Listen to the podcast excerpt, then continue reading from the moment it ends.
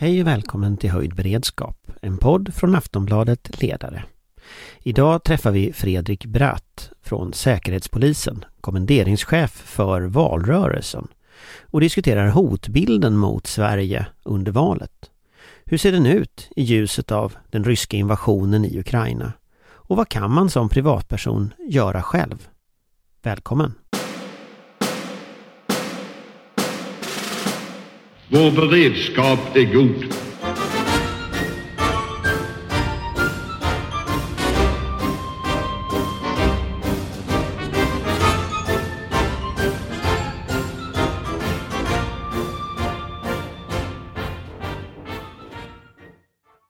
Ja, då sitter vi här nu i vår studio på eh, Schibstedhuset här eh, och det är jag, Anders Lindberg och sen är det Patrik Och Sanna från Tankesmedjan Frivärd.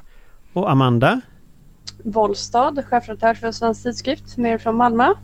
och med oss idag så har vi Fredrik Bratt som är kommenderingschef på Säkerhetspolisen för valrörelsen i höst. Välkommen! Tack så mycket. Vad är kommenderingschef för valrörelsen för något? Ja, eh, vi organiserar oss ju i en särskild form ibland. Eh, och det som man ibland hör att vi arbetar i stab och, och har olika funktioner. Vi frångår egentligen den normala organisationen och hanterar en fråga i, i, i särskild ordning. Eh, och det här behöver ju ledas eh, och det är jag som, som leder det eh, arbetet då. Eh, men sen är det ju viktigt att understryka att hela vår myndighet jobbar ju med valet. Det är ju en stor fråga för oss. Va- vad gör Säkerhetspolisen under valet? Eh, Den särskilda händelsen som jag representerar, vårat eh, huvuduppdrag, det är ju att, eh, att koordinera arbetet, att eh, samordna det, eh, ha externa kontakter. Eh, För våran del är ju, är ju valrörelsen en, eh, en stor övning i samverkan.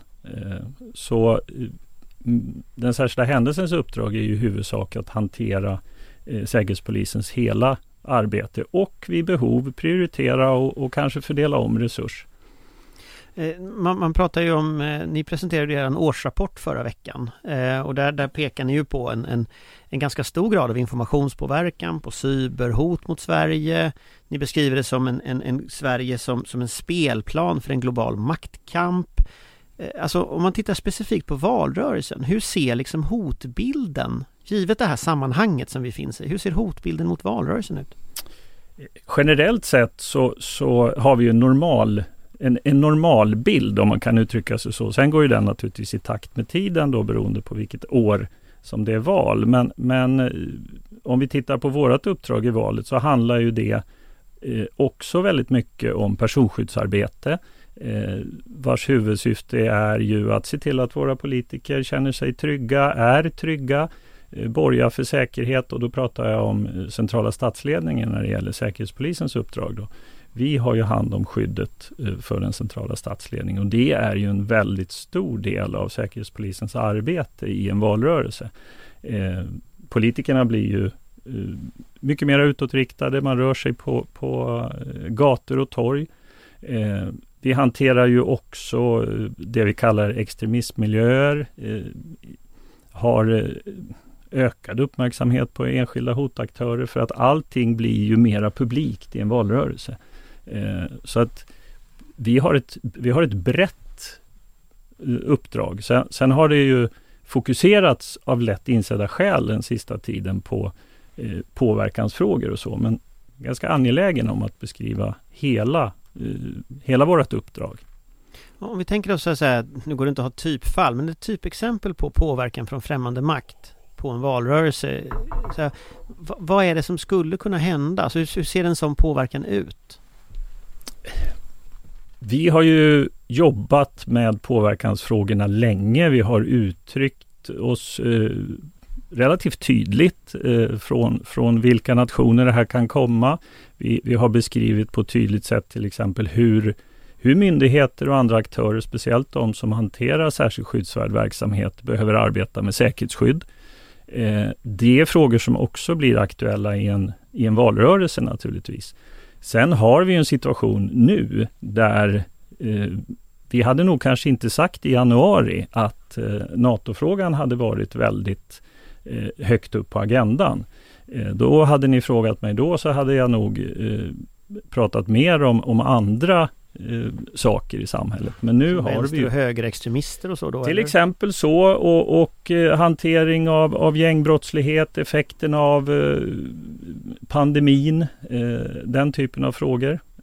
Men, men nu har vi ju det är inte så att vi ersätter frågor med, med andra frågor utan de adderar ju. Eh, så att vi, det är viktigt för oss att ha eh, koll på de här frågorna även fortsättningsvis. Eh, för det är lätt att, att sätta allt ljus på en. Och det, det får man inte göra. Så vi måste ju hålla bredden i perspektivet nu hela tiden. Men det är självklart så att den utveckling som vi har haft sedan eh, Ukraina eh, 24 februari. 24 februari. Eh, det påverkar och det kommer att påverka valrörelsen eftersom det blir andra frågor och, eh, och vi har ju tydligt sett att det har skett. Det, nu diskuterar man eh, NATO eller inte NATO. Eh, Er eh, finländska eh, systerorganisation då, den finländska skyddspolisen, var ju ute här i, i veckan med, med sin årsrapport och då, då uttryckte man sig också väldigt tydligt med att man förväntar sig att man kan se en ökad hotbild när det gäller informationspåverkan just kring NATO-frågan då från, från rysk sida. Eh, hur, hur, hur jobbar ni tillsammans med Finland i, i det här avseendet och, och vad ser du från din horisont? Vi jobbar ju tillsammans med, eh, med eh, eh, många internationella partners och eh, Finland är, är en av dem eh, såklart. Och vi, vi, har ju, vi, vi har ju en liknande eh, situation just nu. Eh, så att det är klart att vi har intensifierat eh, samverkan med Finland som, som var gott även tidigare. Nej men det är som, det, det är som jag sa tidigare, vi, vi eh, är såklart det är inte så att vi har börjat jobba med de här frågorna nu, utan vi, vi har ju eh, informerat om att eh, hotet är påtagligt och, och det, det, är tydligt och det har vi gjort eh, under en lång period. Så att det är ju inte så att vi justerar om vår verksamhet nu, utan det vi jobbar med det är snarare att in, intensifiera informationen och säga att det är ju eh, både tidigare och nu till exempel väldigt viktigt att ha ett, ett adekvat säkerhetsskydd. Eh, att, den, att vi tillsammans ska bygga, som vi brukar säga på eh, polissvenska, en tröskeleffekt. Alltså det ska vara svårt att eh, ta sig in i system, framförallt eh, hos myndigheter och andra som, som hanterar särskilt skyddsvärd information. Och det, det är ju det är inte minst viktigt i, i valrörelsen. Men sen så får man ju också eh, vara väldigt uppmärksam i de här situationerna nu. Om, om man nu har en viss ståndpunkt, om man nu torgför en viss ståndpunkt som, som man bör inse har ett intresse i omvärlden, så finns det ju mått och steg att vidta för den enskilde. Eh, och det är bland annat därför jag går och bubbar runt på den här boken Personlig säkerhet. För här, här kommer vi med ganska handfasta råd Nu viftar Fredrik. Bratt med en blå bok med texten Personlig säkerhet. Precis. Vad är det för bok? Eh, personlig säkerhet är en bok som eh, vi gav ut den här inför förra valet också och vi har uppdaterat den nu. Eh, och den består av handfasta råd. Eh, väldigt detaljerade råd hur jag ska bete mig eh, som politiker eller förtroendevald i övrigt för, för att jobba med mitt eget skydd. Det, dels så ska det vara en, en, besk- eh, en uppmaning till, till mental förberedelse, för det är ganska viktigt i de här frågorna. Så fort jag har tänkt tanken att någonting kan hända, eh, så, så har jag förberett mig lite grann. Sen är det dags att ta tag i, okej, okay, vad är det? Hur ska jag göra? När kan det här uppstå? Och den här boken beskriver då en, en mängd situationer som eh, man har nytta av som politiker. Det här har ju alla nytta av egentligen. Eh, och, och vårat huvudfokus är ju den centrala statsledningen, men det går ju lika bra att använda eh, en, en fritidspolitiker i Varberg eller någon annanstans i Sverige som behöver öka sitt skydd. Och det vi beskriver, eh, för att koppla, eh, förhoppningsvis svara på frågan jag fick, eh, kan jag utsättas för påverkan? Eh, hur skyddar jag mig mot det här? Vad behöver jag vara uppmärksam på? Det handlar om handfasta saker som att hantera sin elektroniska utrustning. Det handlar om hur ska jag koppla upp mig på, på nätverk, på hotell och sånt där? Är jag medveten om att jag kan kartläggas eh, via min iPad, min klocka, min, min telefon? Eh, och det är man nog någonstans långt bak. Men det är viktigt när vi går in i, i det som vi står framför nu att vi påminner om det. Men sen handlar det också om eh, väldigt handfast fysiskt skydd. Jag, jag ska gå ut och prata eh, i en eh, ja, i en polariserande fråga kan vi säga. Då måste jag A förstå att det här kan vara en polariserande fråga. Jag måste ta reda på vart ska jag? Hur ser kontexten ut? Eh, jag måste faktiskt jobba lite grann med en riskanalys. Vissa har ju fördelen av att ha en säkerhetsorganisation till exempel. Då vänder man sig dit. Men en del sitter ju hemma och funderar, jaha, nu ska jag dit och prata om det här. Då ska det här vara ett, då ska det vara ett stöd. Eh, Men om man tar ett typexempel. Eh, alltså jag kommer ihåg valrörelsen förra gången så var ju i 2018 så var jag i Almedalen och då var det ju en, en, en hop nazister där som sprang runt och vevade liksom. Eh, och då hade vi ett eget omfattande säkerhetsarbete naturligtvis på, på Aftonbladet som vi alltid har i sådana situationer. Men, men om man är liksom en vanlig människa, om man inte har en stor säkerhetsorganisation och så vill man ändå vara ute och kampanja eh, och tycka saker om flyktingpolitik eller om NATO eller om feminism eller om saker, saker som ofta blir mm. bråk om. Alltså, man ska läsa boken förstår jag ett svar, men vad, om du ska korta ner boken i liksom några tips, vad ska man tänka på? Nej men det, det jag ska tänka på, eh, jag ska inte vara eh, jag ska ha en grundkunskap i det jag pratade om, bland annat eh, min digitala utrustning.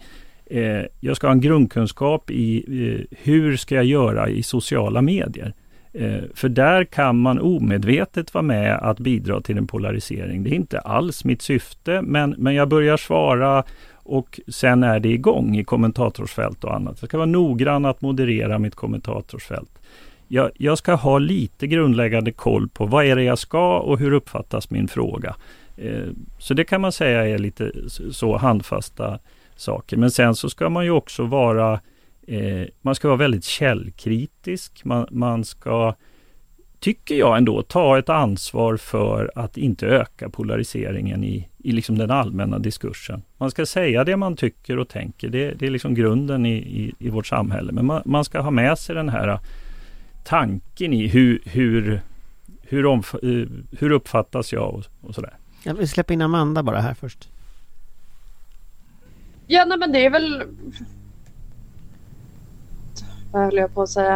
Eh, nej men det är väl självklart så. Det, det är ju en väldig avvägning eh, och jag tror att det är oerhört viktigt som ni säger att den här boken och vara medveten om att det finns problematik. Eh, sen vet jag inte riktigt var Anders vill komma med den här frågeställningen för jag är lite intresserad av det ni skriver om i boken om radikaliseringen av inte minst unga här på nätet efter den här fruktansvärda attacken vi hade i Malmö eh, Eh, förra veckan. Där vi ju inte vet att det var en sån process. Men vi har ju haft ett antal skolattentat i Malmö och det får väl anses vara kopplat delvis till, till den politiska sfären. Eh, hur hanterar man det? Därför att det är ju väldigt svårt att bara förutse och hantera. Det är ju en sak med organiserade. Där finns ju ändå ett visst chatter. Eh, man är medvetna om ungefär vilka det är som rör sig i de miljöerna. Men när det är de här lone wolfsen, både när det gäller radikalisering, den politiska radikaliseringen och den religiösa radikaliseringen. Eh, det tror jag det känns som det ska vara ett stort bekymmer inför valet. Eh, ja, nej men det, det, har vi ju gett uttryck för inte minst i, i vår årsbok och det, det stämmer det du säger. Det är, ju, det är ju i någon mån eh, tacksamt att dela in eh, olika åsikts eh, i höger och vänster och man har ordning i, besikt, eh, i besticklådan och man vet var, var ska jag leta någonstans. Vi ser ju en, en, eh, en annan typ av, av rörelse här som handlar mer om ett missnöje i allmänhet med, med etablissemanget och, och börjar man så att säga tappa förtroendet för, för statsapparaten och det som sänds ut så, så är det ju en, en utmaning. Och när, när det gäller eh, det som du nämner så, så de unga förövarna så, så är ju det eh, ytterligare svårt naturligtvis. Och där, där är det ju vår, där är ju hela samhällets eh, resurser helt nödvändiga. Eh, vem upptäcker en, en 15-åring som mår dåligt så till den milda grad att, att man tänker sig att, att gå mot, eh, mot våld? Eh, där behöver ju, ja, det är en samverkansövning, definitivt. Där vi tillsammans behöver identifiera och uppmärksamma det här. Den här besticklådan du beskriver, den är ju ganska kaotisk idag. Eh, de ligger ju inte så rakt och fina de här bestickorna längre utan genom konspirationsteorier eh, som bland annat har växt i, i coronapandemins fotspår så, så ligger det ju nu rätt mycket huller om buller och eh, det finns ju mycket kontaktytor mellan olika typer av grupper och man kan ju se vid en del av de här eh, covid-demonstrationerna som har varit att eh, de står i talarstolen och säger att vi har inga nazister här och sen så har en banderoll från NMR på, på Sergels torg där de här sakerna går ihop på ett sätt som de inte har gjort tidigare. Eh, hur, hur, hur bedömer du att den utvecklingen kommer att, att fortsätta? Kommer det bli ordning över tid med besticklådan när pandemin sjunker undan? Eller ska vi räkna med att den kommer att vara väldigt osorterad under lång tid framåt?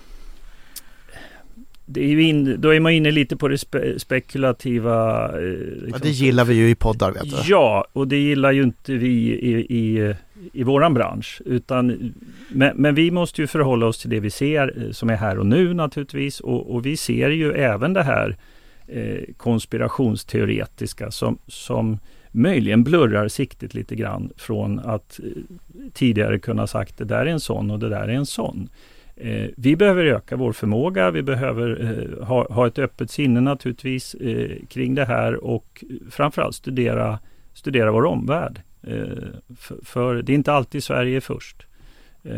Så det är, det är viktiga komponenter. Men, men om, man tar, om, man tar, om man spinner vidare på det, för att NATO blir ju en sån fråga som lite blurrar. Alltså, när jag tittar på mina flöden av folk så det är samma människor som ville skicka Anders Tegnell till Haag, börjar prata om biolab i Ukraina, börjar prata om att Putin har rätt, fast nu är det inte så många som tycker det längre kanske, det sket sig lite med den, men de var ändå på väg i den riktningen. Alltså snurreriet, det håller på att bli någon sån här Qanon-blandning av allting här. Om du kollar på NATO specifikt, den miljön, vad händer med den när man skruvar upp temperaturen i en fråga som NATO till exempel, när det finns ett så uppenbart intresse för Ryssland att liksom blanda sig i? Nej, men man kan väl säga att sådana här stora frågor eh, engagerar ju den här eh, problematiken som vi försöker liksom ringa in. Och, och eh, Det är klart att en, en, sak som är viktig för oss och för alla är ju eh, att vara kritisk. Att, att, att inte bara läsa och, och svälja och säga så här är det. Utan om man går tillbaks till lite grann personlig säkerhet eller eh, personlig inställning till saker och ting kan man också kalla det. Att, att vara kritisk, fundera hela tiden ett varv. Vem kan tjäna på det här? Mer än, än, än den som är på bild eller vad det kan vara. Kommer det här från... Alltså, jobba med, jobba med den delen. Eh, fundera på om du ska eh, sända vidare och, och greja med saker som du faktiskt inte är säker på är belagda. För risken är att du helt utan uppsåt blir en del av eh, den här röran om jag får säga så. 2016 gick ju Säkerhetspolisen ut och eh, berättade att man då visste att eh, ryska utrikesunderrättelsetjänsten, SVR, eh, deltagit på möten i Sverige i syfte att påverka svensk debatt när det gällde då värdlandsavtalet för NATO. Och det var ju då i, i, i fredsrörelsemiljö eh, som det då handlade om i den delen som är mer, om jag uttrycker mig så, så mer lutande. Eh, vad kan du säga idag om vilken aktivitet ni ser från, från rysk underrättelsetjänst att påverka svensk debatt? Det är ju, nu blir jag ju sådär generell eh, och, och ni skrynklar pannan, men, men, men så är det. det vi, vi, har beskrivit det här och vi, vi har ju dessutom, vi har ju varit tydliga också med att säga hur stor andel av, av det, liksom den, den ryska bemanningen i, i Sverige som, som inte bara jobbar med konsulära frågor om jag uttrycker mig så. En tredjedel brukar ni säga då, ungefär 30 procent. Och de är kvar dessutom? Eh, precis, men, men eh, eh, ja, det är de. De är ju kvar i Sverige, det kan vi ju tillägga här att ni har ju pekat ut att det är en tredjedel men de är ju fortfarande inte utvisade vilket ju lite kan man ju tycka spontant, kan jag personligen tycka lite märkligt just som läget ser ut. Ja just det, men det Jag förstår att ju ligger över, över er nivå, jag fattar, det, jag fattar det. Men eh, jag kan tycka det att det är lite märkligt med tanke på hur läget ser ut och att vi har ett val som kommer till hösten. För att fortsätta på din frågeställning då, så, så kan vi ju konstatera att, att vi har ju också visat på i, i förundersökningar i, i, och i domar och eh, att, att det här pågår. Det finns ett intresse för, för svensk eh, kunskap, svensk politik och den kommer ju eh, accentueras nu när NATO-frågan är eh, i debatten. Eh, Men hur stor roll tycker du, tror du, det, tror du det spelar? För att du sa att vi, vi hade haft en helt annan debatt om inte 24 februari hade varit. Eh, alltså hur, hur stor roll spelar det att NATO-frågan nu kommer upp som en sån här fråga i själva valet? Eller det vet vi ju inte än, men det ser ju ut som att den kommer i alla fall under våren och kanske i valet. Liksom. Vad kan hända? Och nu blir jag ju generell. Det, det, det är ju så. Men, men alltså det, det, eh, kan ju öka med, med eh, desinformation och liknande. Och då är vi tillbaks i den här eh, utläggningen som jag hade innan. Förberedelse, källkritik.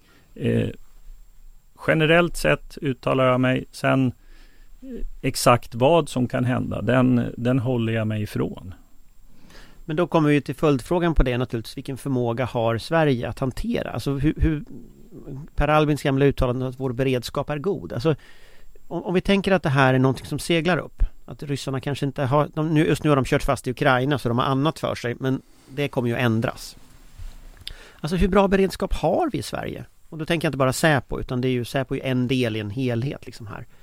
Om man liksom ska ranka den så att säga. Är vi väl förberedda? Det kommer jag inte att... Den rankinglistan får ni jobba med. Eh, men, men det jag kan konstatera är ju att vi, vi det har, finns flera myndigheter som jobbar med de här frågorna. Vi jobbar tillsammans. Vi har skärpt vår säkerhetsskyddslagstiftning sedan några år tillbaka. Eh, vi pekar på eh, de brister vi ser. Vi är noga med att informera. Allt det här i syfte att öka Eh, skyddet och, och trösklarna för att eh, det här ska kunna ske. Eh, jag tänkte att du, du är inne på att man ska som medborgare och politiker då hålla tillbaka lite grann i debatten så man inte bidrar till onödig polarisering. Vi kan kalla det för att man ska inte säga flåbus om varandra i debatten. För att använda ett litet ålderdomligt eh, svärord som inte används så ofta, för, för, bara för poängen. Eh, men jag tänker så här, vad har du fler för råd till, till eh, medborgarna eh, när de kliver in i i en valrörelsen? Vad ska man tänka på som medborgare? Vad ska man titta på? Eh, och, och, hur ska man förhålla sig till saker som, som kan dyka upp? Och om vi tittar på vad som hände förra valet 2018 så, så eh, var det ju en störning på Valmyndighetens hemsida eh, och då inte den inre röstningsdelen utan det som låg, låg ute. Och kring det så spreds det ju snabbt en teori i konspirationskretsar om att där, där stals valet inom citationstecken. Eh, och det är ju humbug, det vet vi, men, men den, den spreds ju den uppfattningen. Och sen så spreds det ju en del historier kring incidenter i, i vallokaler där det kanske så, någon hade plockat undan valsedlar eller det inte hade kommit en leverans eller så och så byggdes det liksom teorier kring, kring det. Vad, vad är det man ska titta på och tänka på som medborgare för att hålla huvudet kallt här? Och vad kan man bidra med som medborgare för att göra valet tryggare och säkrare? Eh, ja, eh, man, kan läsa boken som medborgare eh, trots att man, inte är föreningsmänniska eller ska ut så. Den, den ger någonting till alla, finns på vår hemsida att ladda ner. Nej men det är väldigt bra att man som medborgare, nu är, det, nu är det ju Valmyndigheten som, som orkestrerar och process, valprocessen.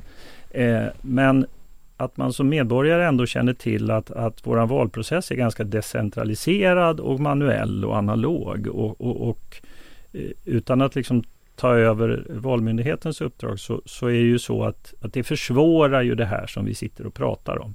Eh, ju analogare desto sämre om du vill jobba med, med cyberhot eh, såklart. Så, så det är ju en, det är en bra kunskap som medborgare har, att känna sig trygg. Eh, sen tror jag, även om det är ett tråkigt svar, så, så tror jag att eh, just den här liksom källkritiska ansatsen till saker och ting, att, att lägga huvudet lite på sned och, och, och, fundera på, är det här, stämmer det här verkligen? Kan jag, kan jag hitta någon, någon, kors, någon stödbevisning för det här? Alltså, har man det anslaget i det som nu kommer, vad som nu kommer att komma, då tror jag man som medborgare klarar sig ganska långt i, i, i liksom sin egen eh, trygghet. Ta ett glas vatten istället för att dela någonting på, på Facebook och i alla fall använda den vattendrickandet åt att fundera på eh, de här frågorna. Stämmer det här? Har jag sett det här någon annanstans? Och inte reagera så snabbt på magkänsla. Ja, men efter, eftertanke är i de flesta sammanhang en ganska god egenskap. Amanda? Det känns lite som det finns eh, två parallella hot här. De går ju naturligtvis in i varandra men dels så har vi ju det här systemhotet att det finns främmande makt som vill påverka vår politik som vill påverka våra åsikter i vissa frågor, inte minst eh, saker som NATO, pandemin och så vidare. Och sen har vi det här med direkta våldsbejakande hotet både från organiserade extremister och från, från radikaliserade individer. Eh, man har ju en tendens att se på det förflutna lite rosenskimrande, speciellt kanske för min generation som inte har varit med så himla länge. Eh, har det blivit mycket värre? Är vi beredda på det? Måste, bör vi, ska vi anpassa? Jag tänker politiska partier, eh, människor som är ute och kampanjar. Det är ju många som kanske inte är så högt uppsatta som inte har så mycket erfarenhet och som definitivt inte har så mycket kontakt med liksom, personskydd och så vidare bör de tänka på ett annat sätt idag än de gjorde för kanske tre, fyra riksdagsval sen? Har vi en, en annan situation och bör vi anpassa oss efter den på något sätt? Nej, men utan, utan att liksom jämföra det, det, är väldigt svårt att jämföra tider utifrån på, på, på det sättet. Dels för att man, eh, eh, man själv har blivit äldre och eh, det, varje tid har ju sina hot i, någon, i något perspektiv. Då.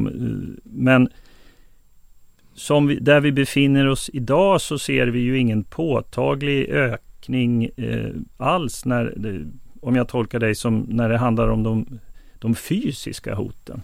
Eh, det, det, har vi ju, sen, sen, ser vi ju till exempel i, i, trygghetsundersökningar för politiker att, att eh, det är en hög nivå. Eh, på framförallt eh, hot. Då.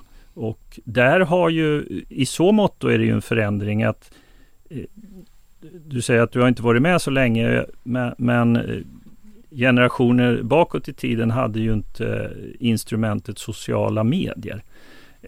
man skickade ju ganska lite vykort och handskrivna brev till varandra med hot i jämförelse med hur lätt det är idag att, att bara tweeta iväg något utan att ta ett glas vatten innan. Eller med fullt uppsåt att eh, så på det sättet så behöver vi ju med en ökad digitalisering, med en ökad tillgång till i stort sett allt, förändra vårt säkerhetsarbete. Vi behöver förändra eh, sättet som, som vi kommunicerar på. Eh, såklart. Så i den, i den meningen så ser ju den där arenan helt annorlunda ut, även om jag inte riktigt vet vilken generation du tillhör och vilken tid du, du funderar på i din frågeställning. Så att om jag tittar på nu och eh, det låter lite mossigt att hänvisa till att sociala medier är något nytt 2022. Det är inte det jag sitter och gör. Men om vi tar oss längre tillbaks i tiden så fanns ju inte den, om man uttrycker sig, brottsplatsen. Jag tänker kanske primärt eh, 60-70-tal som för jag är född eh, slut på 80-talet så jag har ju ingen aning. Men tittar man tillbaks lite mer specifikt så finns det ju det fanns ju ett väldigt stort Palmehat till exempel. Det fanns ju stora extremistiska politiska grupper, eh, inte minst på vänsterkanten. På 90-talet hade vi en ganska stor naziströrelse. Så att man har ju också en tendens, upplever jag, att alltid tänka att man lever i den värsta av tider. Men vi har ju faktiskt haft ganska systematiska hot mot, mot demokrati och politiker förut och det är kanske är en idé att komma ihåg det också. Eh, men är det någonting specifikt, du säger att man ska läsa den här boken, är det någonting annat man specifikt bör tänka på om man är eh, ungdomsförbundare, kampanjarbetare, står i valstugor och så vidare? Eh, man ska nog läsa också kring eh, påverkanskapitlet även som, som ungdomsförbundare och annat. Eh, för, för att det här är ett långsiktigt arbete som främmande makt eh, ägnar sig åt. Och man kan mycket väl vara föremål för, för försök trots att man kanske inte ännu har hamnat i den högsta beslutsfattande församlingar. Eh, så jag vill gärna addera den delen i, i den personliga säkerheten att man, man ganska tidigt blir eh, varse om, eh, om det här helt enkelt. Det är ju en intressant aspekt du lyfter där och som, som är bra att du är tydlig med för att som du säger då att rekryteringar eller grunda för rekrytering det kan ju ske väldigt, väldigt tidigt och vi har ju sett exempel på hur, hur man har uppvaktat eh, ungdomsförbund från, från olika ambassader i, i syfte då att, att bygga den här relationen för, för framtiden. Om 20-30 år kan det vara den ungdomsförbundare som är statssekreterare eller minister och sitter på en central plats.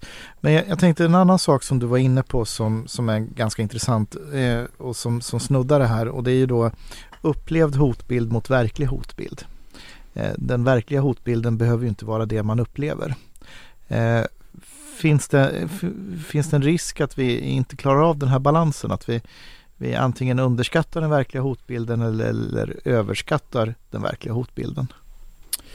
Eh, det gör det såklart. Och, och, där, är det ju, där har vi ju alla ett stort ansvar. Inte minst jag själv att, att försöka beskriva eh, varken undertrycka eller eh, uttrycka mig eh, så att säga alarmistiskt utan hålla, hålla oss till fakta. Fakta är ju Fakta och eftertanke är väl de eh, två bra ingredienser för, eh, för att det här liksom, att vi ska hålla nivån och balansen.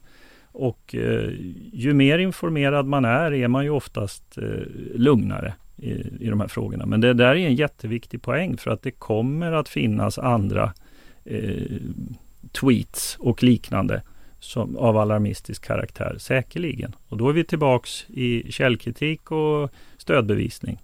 Men om man tittar på andra länder eh, så är det ju intressant att se de senaste åren just påverkansoperationer. Vi såg i amerikanska valrörelsen 2016 till exempel och även som egentligen slutar med 6 januari och, och liksom angreppet på kongressen. Så vi såg i förra tyska valrörelsen så såg vi väldigt omfattande angrepp på på Anna-Lena Baerbock som var de grönas kandidat till kansler och det var ju från Ryssland, eh, rakt upp och ner.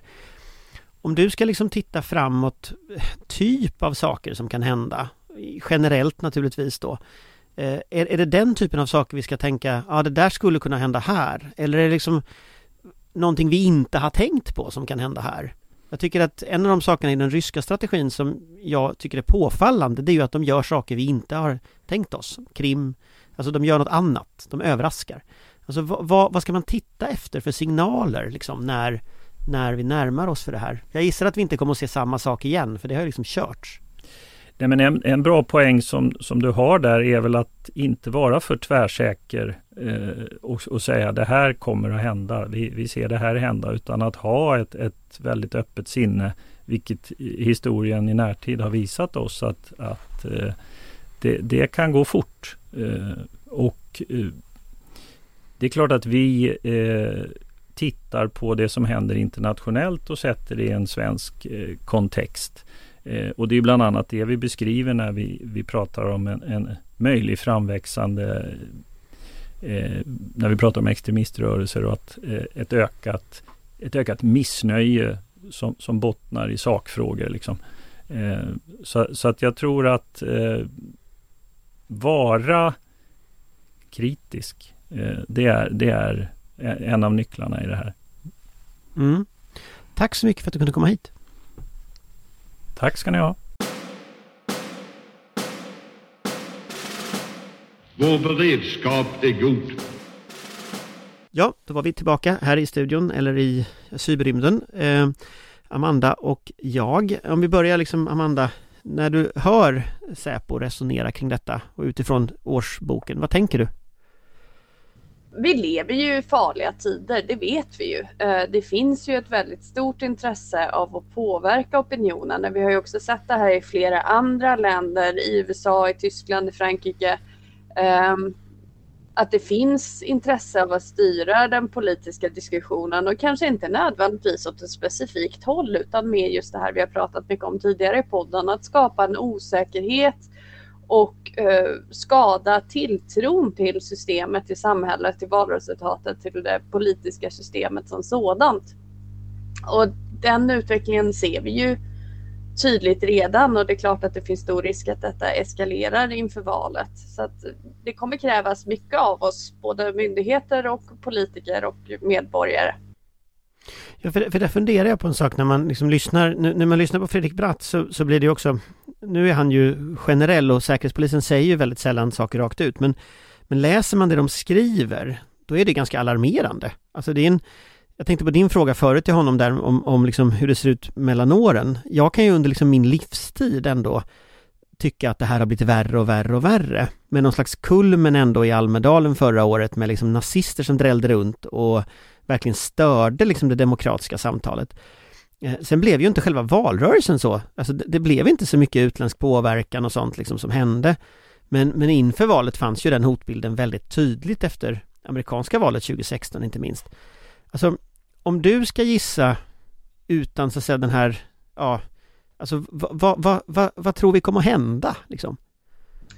Det är jättesvårt. Vi hade ju farhågor inför förra valet också som sagt och då, då var det ju ändå relativt lugnt vilket också i en mening det var ju andra länder som drabbades betydligt hårdare eh, under den perioden så det är ju uppenbarligen väldigt svårt att säga om men med tanke på situationen i, Ukraina och NATO-debatten så finns det ju naturligtvis en stor risk att det kommer finnas finnas en större, större hot den här gången. Eh, inte minst mot den politiska debatten. Eh, och det, det måste vi vara högst medvetna om. Inte minst politikerna. Eh, att vara medvetna om vad, vad man framför för ärenden.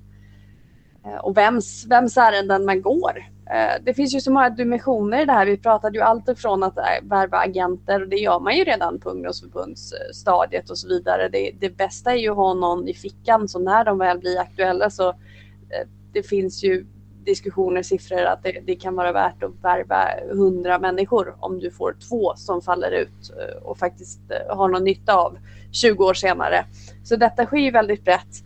Och sen så har vi ju påverkan på själva diskussionen, nätet inte minst. Hur man inför narrativ och försöker sprida desinformation och få den upplockad av mer eller mindre seriösa källor. Och sen har vi ju det fysiska säkerhetshotet eh, som kanske delvis eh, är orelaterat därför att det är inte riktigt samma krafter men samtidigt så vet vi också att det finns externa krafter som utnyttjar extremism som i sig kan gå över i ett våldsbejakande. Så att det är en väldigt bred palett som man måste vara medveten om alltihopa. Eh, både det fysiska hotet och, och det långsiktiga hotet och det kortsiktiga hotet mot debatten idag. Fast det tänker jag på en sak också. Så du har ju erfarenheter av valrörelser så här från, från moderat håll eller högerhåll. Alltså, jag tänker, och det tänkte jag efter, inför förra valet också, att det är ju där man är för NATO. Väldigt tydligt driver de NATO-frågorna jag tänker att det kommer att göra att borgerliga partier kommer att vara en måltavla för rysk desinformation. Och där har man ju ett gemensamt ansvar, tänker jag, eh, alla politiska grupper i Sverige, att inte falla för det. För det som har hänt i liksom den amerikanska kontexten, det är ju att där har ju liksom demokraterna blivit måltavla, men där har ju liksom republikanerna bara följt med på något sätt. Så jag tror det är ganska viktigt att liksom folk tänker på att när det kommer den typen av frågor från liksom andra håll, att man inte nappar på det. Och det var en sak som han inte sa men som jag tänker att är väldigt viktig och det är att saker man håller med om som kommer upp från konstiga källor det är nästan de man ska vara mest försiktig med så att säga. Eh, så att man liksom inte sprider vidare eller, eller så eh, när källorna är dubiösa det tror jag är jätteviktigt eh, att vara. Det, det, är alltid lättare att falla för propaganda. Det ska man ju också säga i, i USA. Demokraterna har väl i en mån blivit en måltavla hotbildsmässigt. Men Republikanerna har ju varit en väldigt måltavla just för eh, konspirationsteorier för att manipulera det politiska systemet där man ju har vissa högt uppsatta republikaner som är helt inne i den här Q-konspirationen och eh, tar Rysslands parti väldigt tydligt här. Så där har man ju lyckats Eh, där har ju Republikanerna varit måltavla och där har man ju till del lyckats väldigt tydligt med just den här förvridna debatten och eh, bygga relationer som sen kan utnyttjas i ett skarpt läge. Ja, inte, inte minst med Trump, alltså verkar det ju som. Precis, och det har ju gynnat de här då också eh, eftersom det, det, är först då de blev tillräckligt rumsrena för att välja och man också har en, en väljarkår helt plötsligt som premierar sånt här. Eh, så det är också en intressant diskussion hur mycket tror folk egentligen och hur mycket är det spel för, för att plocka de här rösterna. Sen vill jag förtydliga för sakens skull att eh, jag är inte moderat, det var länge sedan jag var moderat, mm. men jag har ett förflutet i ungdomsförbundet. Och då var jag naturligtvis aktiv även under valrörelserna. Eh, och då var ju situationen en annan. Då var väl det stora hotet i alla fall mot oss, vänsterextremismen. Det var ju en, en våg där med husockupationen och något brandattentat mot McDonalds och sådär som även drabbade oss i viss utsträckning. Eh, NATO-debatten var ju tämligen död då, precis som säkerhetsdebatten överhuvudtaget. Men, men visst kommer det att ske. Eh, att man blir måltavla åt, åt båda hållen. Eh, både för att man företräder en åsikt som inte är bekväm för de som bedriver den här typen av kampanjer och dels för att eh, försöka manipulera, att man, man plötsligt börjar återdra argument som inte är sanningsenliga och därmed underminerar hela sin argumentation och sin egen kampanj Det är ju jättefarligt. Jag tänker att det där är någonting som vi kommer att se, alltså Alltså min erfarenhet från den tiden som jag var politiskt aktiv, liksom ganska lång tid tillbaka eh, nu, eh, 12, 12 år sedan jag slutade i och för sig, men, men eh, för Socialdemokraterna, men där var ju, där var ju just högerextremismen, där var ju nazisterna som var liksom en, en, en och speciellt på 90-talet så var det ju i högsta grad liksom eh, ett, ett, ett påfallande hot. Så jag tror att många är nog ganska osäkra inför vad man ska göra när det här kommer upp. För man är, precis som han sa, man, är, man tänker liksom i kategorier de här extremistmiljöerna. Man tänker inte på riktigt på samma sätt. Eh, sen kanske man gör det mer nu. Eh, så det blir liksom intressant att se vart, vart, vart det tar vägen. Men om du får gissa då, bara som en, en avslutning så här. Eh, alltså, kommer vi att se ett försök att undergräva valresultat till exempel på det sätt man har sett i USA?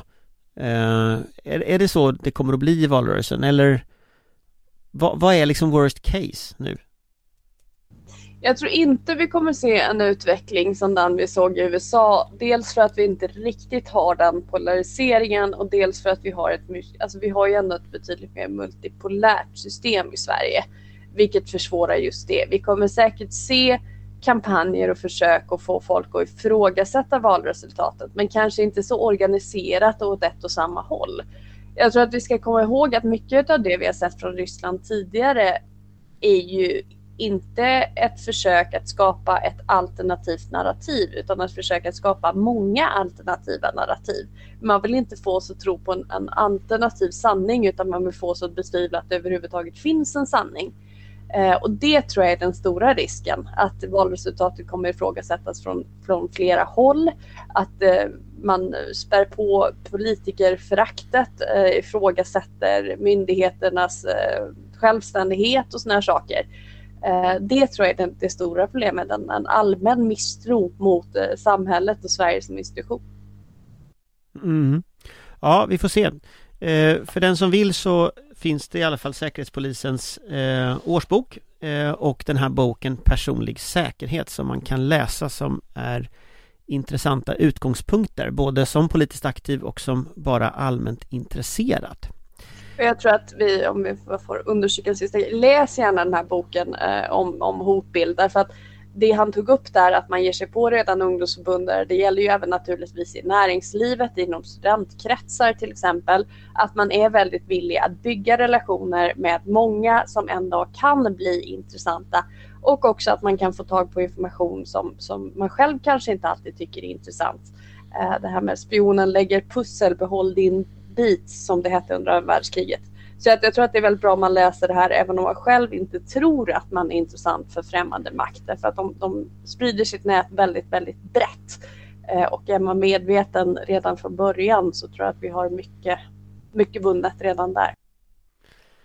Alltså det är märkligt att de här gamla affischerna kommer tillbaka så här. En, en svensk tiger och alla de här affischerna kommer liksom tillbaka nu igen i liksom medvetandet. Spionen lägger pussel. Får köra återtryck och dela ut inför. Ja, det, det, får man väl inte, det är väl någon som har upphovsrätt till den där tigern. Ja men spioner lägger pussel tror jag inte. Det, den svenska tigern är ju hett omstridd. Eh, men eh, spioner lägger pussel tror jag inte att de har rätt till på Nej jag tror inte det i alla fall. Men tack för den här veckan i alla fall, så ses vi nästa vecka. Hej hej! Tack så mycket, hej! Vår beredskap är god.